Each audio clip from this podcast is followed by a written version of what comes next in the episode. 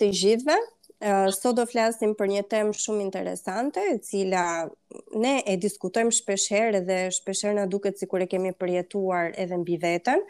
Do flasim për bullizmin. Ë uh, të ftuar në këtë podcast kemi dy personazhe, të cilët pavarësisht se punojnë me me rinin, pra janë punonjës rinor që është Adrian Zalla, por edhe në rolin e ekspertes kemi Xhensila Mirashin. Do shohim atë këndvështrim që na bashkon të gjithëve. Si e përjetojnë apo si e kanë përjetuar bullizmin persona të cilët e kanë mbajtur mbi shpatullat e tyre. Shpeshherë e bëjmë këtë diskutimin dhe flasim, të gjejmë arsyet pse apo të gjejmë edhe rastet kur edhe ne vetë kemi qenë apo kemi rënë pre e bullizmit. Unë fillimisht po po përshëndes Xhensilën, Adrian ti mos u mërzit se je edhe më i vogël. Kështu që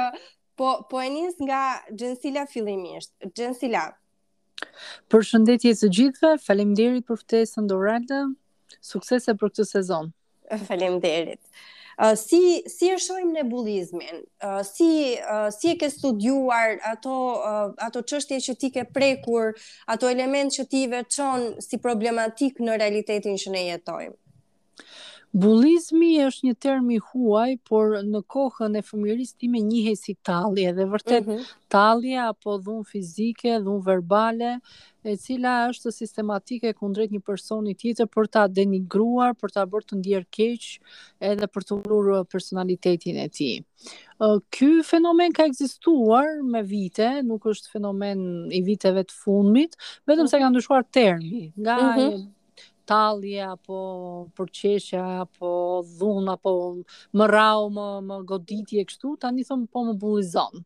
Mhm. Mm uh, brezi i të rinjve të 2000-s ose edhe më pak se 2000, 2005-a e këtej, po marr rastin e të mm -hmm. vegjëlve, sigurisht që e njohin me termin bullizëm.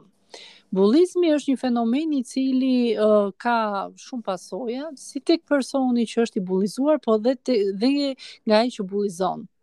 Madje uh, është folur shumë si në rrjetet sociale, ashtu edhe në mediat kombëtare dhe lokale në lidhje me bullizmin dhe gjithmonë uh, preket çështja e personave të cilët janë të bullizuar dhe vërtet pasojat psikologjike, emocionale, ndonjëherë fizike që degradon në dhunë janë shumë të mëdha, por mendoj që me këto rastet e fundit që jemi duke dëgjuar nëpër mhm. media, mm -hmm. është shumë e nevojshme të shohim çështjen më thellë edhe tek bullizuesi.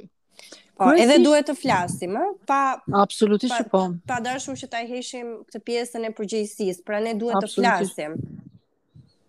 Ideja ime është kjo që përkrah mbështetjes që ne i ofrojmë të bullizuarit, mm -hmm. një mhm. punë shumë të madhe duhet bërë me bullizuesin. Mm -hmm. Sepse ata janë agresorë, të cilët mund të shndërrohen në vërtet agresorë të rrezikshëm në shoqëri. Duke arritur po. pa pa e vazhduar këtë pjesën e bullizuesit. Unë do doja në fakt që ta pyesja pak Adrianin. Adrian, si e shikon ti këtë uh, këtë fakt që Xhensila sapo përmendi dhe ndërkohë që foli për atë brezin e, e 2000-s, sepse ti je një punonjës rinor edhe më thej që ti je trajnuar për për çështjet e bullizmit, po sidomos edhe të atij online, sepse sot është është një mënyrë që shumë të rinj po bullizohen. Patjetër. Ajo çka do nisja unë në fakt do thosha që un jam i brezit 97-s. Okej. Okay. nuk jam aq i hershëm, por uh -huh. ideja është që forma e bullizimit ose të denigruarit dikë ka kaluar kryesisht duke pa, duke marrë parasysh edhe pasojat sociale gjithçka ka ndodhur ka kaluar kryesisht online edhe është mm -hmm. po, po bëhet edhe po po si thua, po rritet gjithmonë si një problem. Duke qenë se njerëzit fshihen pas emrave të rremë, nuk mbajnë përgjegjësi dhe nuk e kanë aspak as atë frikën, as atë cënimin, por as edhe një lloj gjëje, pra fshihen pas një emri të rremë dhe bullizojnë dikë tjetër që mund ta kenë inat mbase edhe për shkaqe fare banale ose pa asnjë shkak mm -hmm. Dhe duke kaluar në këtë pjesë, duke mm -hmm. mos ditur asgjë kush është tjetri, ne marrim për bazë gjithçka na thonë. Por, duke qenë se tjetri që fshihet pas emrit të rremë mund të jetë një person që ne na njeh shumë mirë, Mm -hmm. Pasojat pastaj bëhen shumë të ma, shumë të mëdhaja. Duke bashkangjitur, duke bashkangjitur atë që po thoshte edhe Xheni, pasojat psikologjike dhe emocionale mund të bëhen shumë të mëdhaja, saqë mund të bien edhe në gjendje depresive, duke shkaktuar shumë probleme pastaj, jo vetëm në jetën e tyre, por edhe jetën e familjarëve dhe njerëzve me të cilët janë të lidhur në jetën e tyre të përditshme. E kuptoj. Xhensila, po të pyes po. ty, a ka një kategorizim të formave dhe mënyrave të bullizimit? Pra, është e ndarë, kemi bullizim mbi bazë gjinore, mbi bazën e preferencave seksuale, uh, bullizim të personave që po. Po. Bullizmi është dhunë, nuk ka. E, mm -hmm. Unë e mhm. mbështes shumë mendimin e Adrianit. E vërteta është që sot kemi një gjuhë urrejtje në masë në media sociale për shkak se njerëzit po shpenzojnë më shumë kohë aty. Në mhm. qoftë se do të ishim përpara, nuk e di, një dekade, diçka më tepër kur interneti nuk ishte kaq masiv në jetën e të rinjve shqiptarë, do t'i shikonim uh, këto mm, skena bullizmi në ambiente të tjera, në ambiente më shumë shkolla, apo ambiente park lojrash, vende të tjera ku frekuentonin kryesisht fëmijët apo edhe të rinj. Mm -hmm. Ndërkohë sot të gjithë janë online dhe normalisht që kemi një rritje të rasteve të bullizimit online. Uh, por derisa është dhunë, atëherë ka dhunë nga më të ndryshme, por kryesisht bullizmi ndodh nga persona të cilët e konsiderojnë veten si të fortë, mm -hmm. janë ata që janë dominantë kundrejt mm -hmm. personave që janë më të tërhequr ose që janë tipa të mbyllur disi në vetvete mm -hmm. dhe ata janë preja kryesore e personave që kanë një historik bullizimi, të themi për sa i përket pjesës së sulmimit të një, duke qenë vetë agresorët, ata kundrejt një personi tjetër. Ë uh, mendoj që në ditët e sotme një problem shumë shumë i madh është pjesa e jo vetëm thjesht gjuha e urrejtjes që përdoret mm -hmm. online edhe por mendoj që stresi dhe depresioni edhe për shkak të bullizimit është bërë shumë shumë i madh dhe problemi më i madh yni që po ngrihet një këmbanë alarmi është fakti se uh, këta të rinj shpeshherë i dëgjon me po flas për të rinj sepse e njoh më shumë situatën mm -hmm.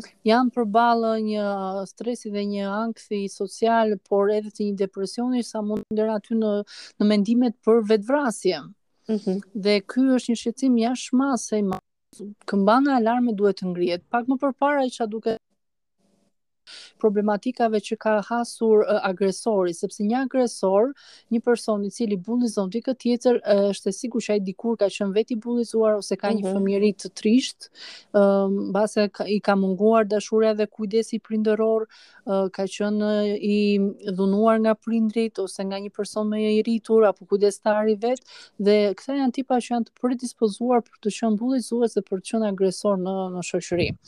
Mendoj që tashmë ka ardhur koha që këta të rinj të mos mjaftohen ose vetë shoqëria jonë shqiptare të mos mjaftohet duke u ofruar një psikolog dhe një punonjës social nëpër shkolla, por të hapen qendra të cilat do të jenë pas orarit të mësimit ku të merren uh, më shumë trajtim dhe më shumë këshillim dhe dhe asistencë sociale dhe psikologjike falas E kuptoj. Brenda ambienteve të shkollës unë e shoh të pamundur zhvillimin e një ore psikologjie po themi të plotë, për sa kohë që ne nuk e kemi lëndët sociale si sociologjia të përfshira mm -hmm. në detyrimin e në arsimin e detyruar, por janë lëndë me zgjedhje, kjo do thotë që nuk ka shumë kohë dhe në fakt ka dhe një ndrojtje nga këta të rinj për të denoncuar.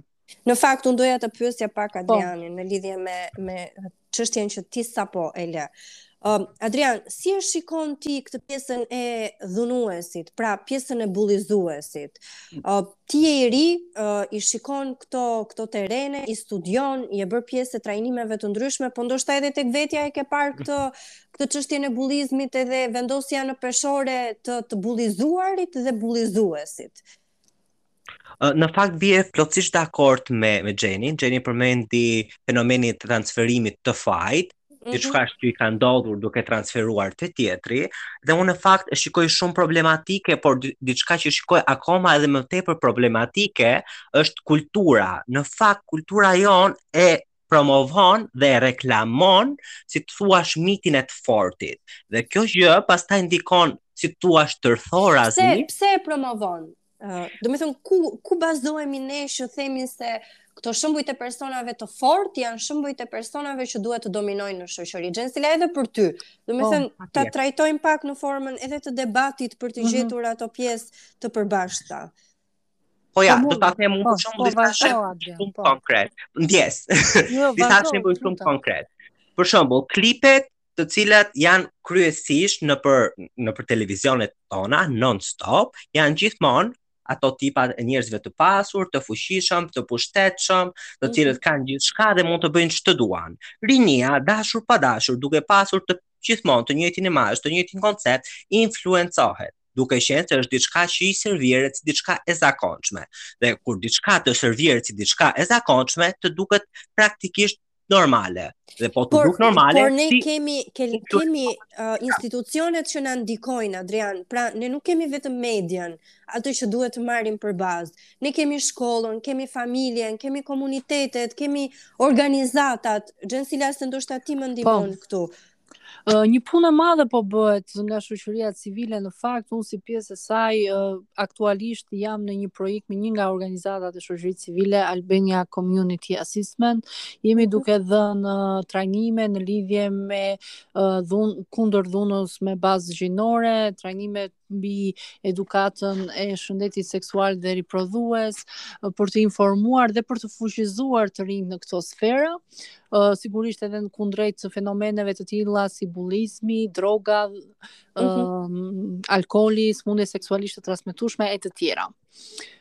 E shohim të një e shohim që ka shumë shumë vështirësi, madje më shumë se ç'flitet, më shumë se ç'flitet dhe uh, problemi është shumë i madh është që unë e mbështes Adrianin sepse ka një një një trysni shumë të madhe nga ana mm -hmm. e mhm. komercit për të gllabëruar, po them, po përdor këtë folje në mënyrë figurative, por në fakt ndodh e vërteta sepse e gjitha media sociale, duke u përdorur në anën e komercit, duke i tërhequr të gjithë këta të rinj që i ka thjesht si kontingjent më të arritshëm edhe për t'i bërë mm -hmm. klientel të mundshme të një sërë um, shitjesh shërbimesh apo edhe uh, objektesh apo mallrash, për shembull nuk e di ora të shtrenjta, telefona po. të shtrenjta apo nuk e di.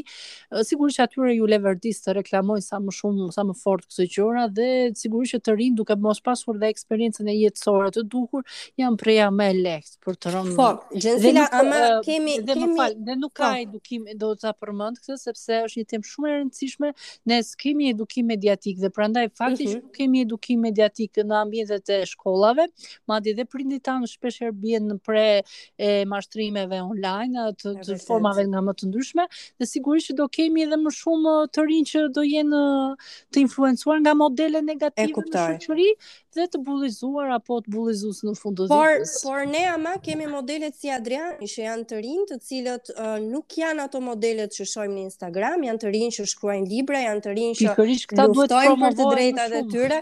Adrian, një mesazh tëndin, një një moto tënden që ty të bën të jesh i veçantë edhe jo në kategorinë e personave të cilët mund të bullizojnë. Unë një moto të veçantë nuk mendoj se kam, por mm -hmm. mendoj se ajo që çfar unë mund të them nga eksperienca ime është të, të kërkosh ndihmë dhe të gjesh gjithmonë dikë me të cilin mund të flasësh, mund të ndash barrat e tua, qoftë edhe të ditës, qoftë edhe të jetës, është edhe si thua është të gjesh një strehëz tënde, qoftë ajo në shtëpi, në miqësi apo kudo qoftë, unë mendoj se çdokush mund ta gjejë atë sot edhe si thua, mbase nuk duhet të kërkojnë larg për ta gjetur atë. Xhensila, po ti një moto tënden që, ose jua sugjeron, ose përdor për veten, për të ruajtur qetësinë edhe për të mos qenë një... sulmuese. Po, më fal. Unë në fakt do jepja një këshillë, një këshillë që e jap gjithmonë tek trajnimet e mia me të rinjtë. është shumë e thjeshtë. Fol, Mhm. Mm fol, fol, fol.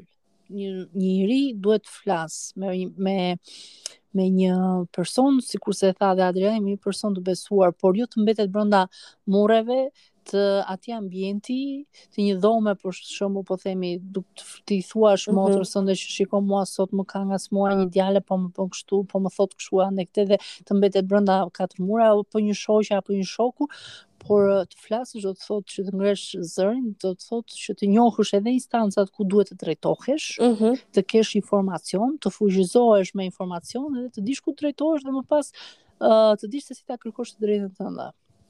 Uh, ajo që është e rëndësishme dhe u theksua nga të dy ju është që ne nuk duhet të heshtim, nuk është gabim të flasësh, nuk është gabim të drejtohesh në institucionet përkatëse, Nuk është gabim asnjëherë të luftosh për të drejtat e tua, pavarësisht se mund të duket mendimi jot, qoftë edhe kritik.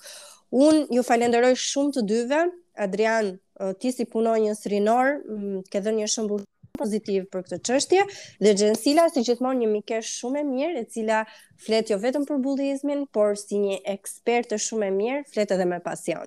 Faleminderit të dyve. Faleminderit për ftesën, gjithë të mirat. Gjithashtu.